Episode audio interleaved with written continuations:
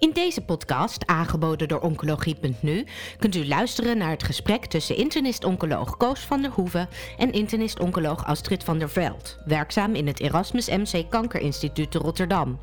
Aan bod komen de laatste ontwikkelingen met betrekking tot de behandeling van melanomen, gepresenteerd tijdens het ESMO Congress 2021. ESMO 2021, natuurlijk ook weer nieuws over melanoom. Niet altijd nieuwe middelen, maar altijd wel interessante dingen om te melden.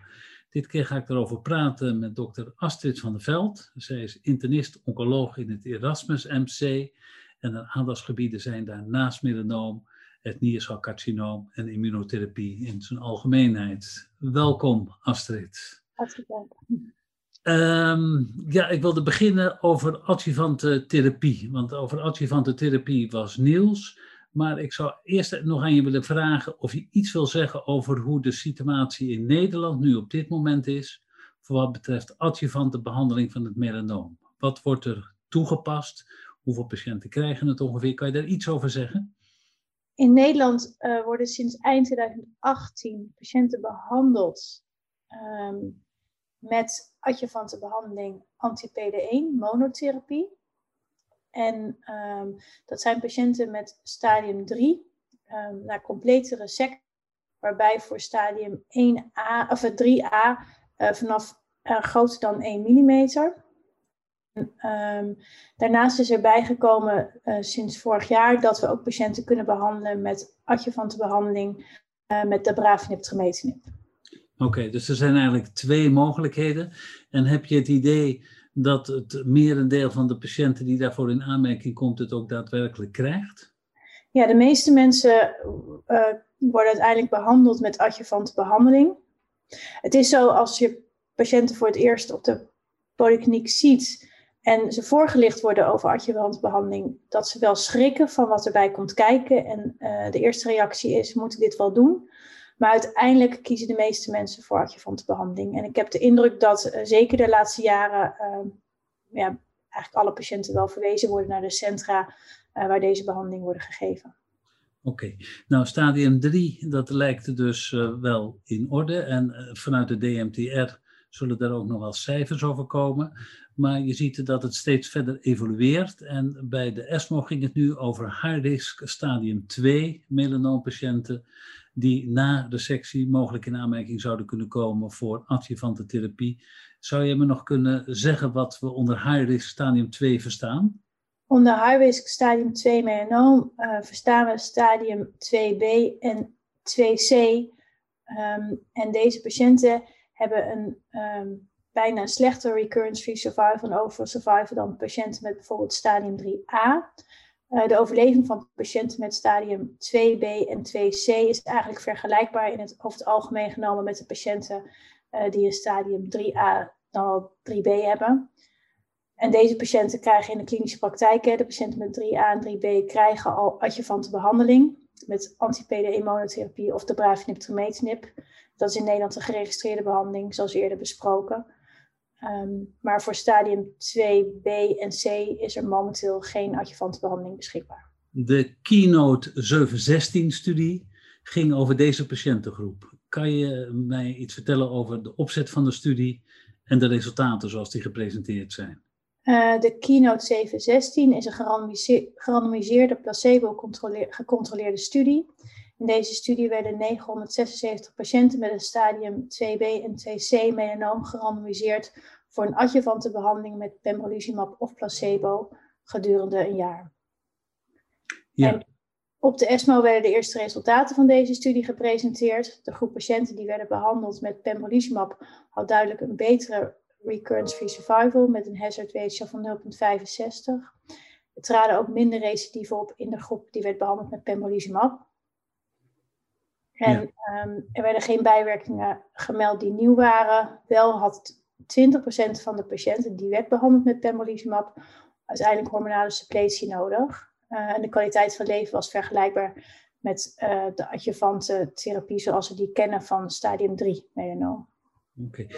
Hoe, hoe, interpreteer je deze uitslagen? Um, ja, deze uitslagen laten zien dat patiënten met hoog risico stadium 2 melanoom wel voordeel lijken te hebben van uh, adjuvante behandeling met pembrolizumab.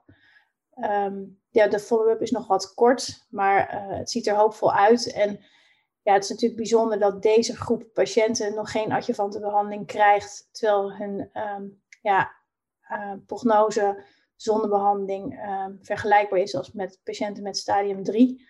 Maar op dit moment is er dus nog geen goedkeuring voor stadium 2 adjuvante behandeling. Maar op basis van de prognose en de uitslagen van deze studie zou je ervoor pleiten dat als vergoeding hiervoor ook geregeld is, dat patiënten daarvoor in aanmerking kunnen komen. Ja, dat zou wel logisch zijn, uh, gezien de resultaten uh, zoals we die bij stadium 3 hebben geïnterpreteerd. Um, nou ging dit over één van de PD1-blokkers. Zijn er nog meer studies gaande uh, in deze setting, dus bij de stadium 2 hoog risico melanoom? Ja, zeker. dit was de studie met pembrolizumab. Er loopt een vergelijkbare studie uh, met nivolumab, ook in de adjuvante setting. En uh, er wordt ook gewerkt aan een studie met adjuvant uh, BRAF-MEC-remmers. Oké, okay, dus die resultaten die gaan nog komen. Ik ga even naar iets heel anders. Um, er zijn heel veel medicijnen die tegenwoordig kunnen worden toegepast bij het melanoom. En één daarvan is, zijn T-VEC-vaccinaties. Zou je in twee zinnen, of misschien wel in één, kunnen uitleggen wat dat is? Uh, T-VEC uh, is een gemodificeerd herpesvirus. En uh, dat wordt geïnjecteerd in of het algemeen subcutane metastase van een melanoom. En wat op deze manier kan dat een immuunrespons genereren. Ja. En um, ja, omdat TVEC dus een immuunrespons kan genereren en ook effectief kan zijn uh, wanneer het geïnjecteerd wordt in uh, dergelijke lesies, is um, op de ESMO een studie gepresenteerd, de zogenaamde Masterkey, waarin TVEC gecombineerd werd met pembrolizumab. En de gedachte achter deze studie is, is dat TVEC de immuunrespons uh, die opgewekt wordt door pembrolizumab um, verder kan activeren. Het is een logische stap om dit te combineren. Werd dat bij gemetastaseerde ziekte gedaan of alleen in de lokale situatie? Uh, irresectabel en gemetastaseerde ziekte. Patiënten moesten wel een lesie hebben die te injecteren was. Oké, okay. dus theoretisch voordeel. En wat waren de resultaten van de studie waarin dat onderzocht is? Nou, in deze gerandomiseerde studie, de Master Key, um, werden 600, meer dan 600 patiënten gerandomiseerd voor een behandeling met pembrolizumab met of zonder uh, eh, TVEC of placebo. Alleen TVEC bleek geen toegevoegde waarde te hebben, uh, want deze studie werd het primaire eindpunt van de progressievrije overleving niet bereikt. Uh, en dit heeft er ook, toe geleid dat studies met deze combinatie voortijdig gestopt zijn. Dus dat is een negatieve studie en daar gaan we voorlopig niet op voort.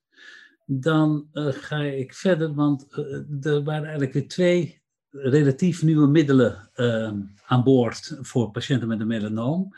En het ene heet relatlimab en het andere heet tocilizumab. Kan je me kort vertellen wat voor stoffen dit zijn? Um, relatlimab is gericht tegen uh, LEC3. Uh, LAG3 is net als PD1 een immune checkpoint en komt tot expressie op tumor-infiltrerende lymfocyten. Relatlimab blokkeert uh, lag 3 en herstelt daarmee de effectenfunctie op exhausted T-cells. Um, en de andere middel wat besproken is, is tocilizumab. Tocilizumab is een interleukine-antagonist. Het bindt specifiek aan oplosbare en membraangebonden IL-6-receptoren. IL-6 is een pro-inflammatoire cytokine en is een negatief prognostische factor bij patiënten uh, met melanoom. En blokkering van IL-6 met tocilizumab is effectief gebleken voor steroïdrefractaire bijwerkingen van de immune checkpoint inhibitors. En op dit moment is tocilizumab al geregistreerd in Nederland voor de behandeling van reumatoïde artritis, reuzelartritis en ook het cytokine release syndroom. En voor het cytokine release syndroom, um, wat een bijwerking kan zijn van uh, immuuntherapie, wordt tocilizumab ook incidenteel al door oncologen gegeven op dit moment in Nederland. Oké, laten we dan maar even doorgaan op die tocilizumab, want het is ook nu uh, bekeken of dat een grotere effectiviteit zou hebben wanneer het gecombineerd zou worden met andere middelen tegen het melanoom. Wat werd daarover gepresenteerd bij deze ESMO? Ja, op de ESMO werd een studie gepresenteerd, een fase 2-studie met tocilizumab. En in deze studie werden patiënten met een melanoom behandeld uh, met de combinatie ipilimumab en nivolumab. En daaraan werd tocilizumab toegevoegd. Tocilizumab in een dosering van 4 milligram per kilogram elke zes weken gedurende de eerste kuren. En uh, tijdens de ESMO werden de eerste resultaten gepresenteerd van 29 patiënten. En um, in, deze 29 patiënten was te zien dat de responsrate 58% was wanneer tocilizumab werd toegevoegd. En dat um, graad 3 of meer graad 3 of hoger uh, immune-related adverse events uh, werden gerapporteerd in maar 17% van de patiënten. Um, vergeleken met eerdere studies lijkt tocilizumab de tumorrespons te verbeteren en uh, die immune-related adverse events te verminderen. Um, deze, deze bevindingen zijn dus heel hoopvol, maar uh, de gepresenteerde studie is wel echt klein. Uh, 29 patiënten werden nu gepresenteerd. En een volgende stap zou kunnen zijn om een gerandomiseerde studie te gaan doen waarbij tocilizumab wordt toegevoegd. Oké, interessant, maar 29 patiënten is echt te weinig. De bijwerkingen kunnen minder zijn, maar over de effectiviteit, daar zal nog meer onderzoek gedaan moeten worden. En ook uh, om te kijken of in, bij grote studies die bijwerkingen ook daadwerkelijk afnemen. Dan wil ik toch even terug nog met je naar de relatlimab. En de studies die ze daarmee doen, dat doen ze allemaal, die hebben een nummer. En dat nummer staat achter relativity. Uh, welke studie werd er gepresenteerd over de relatlimab?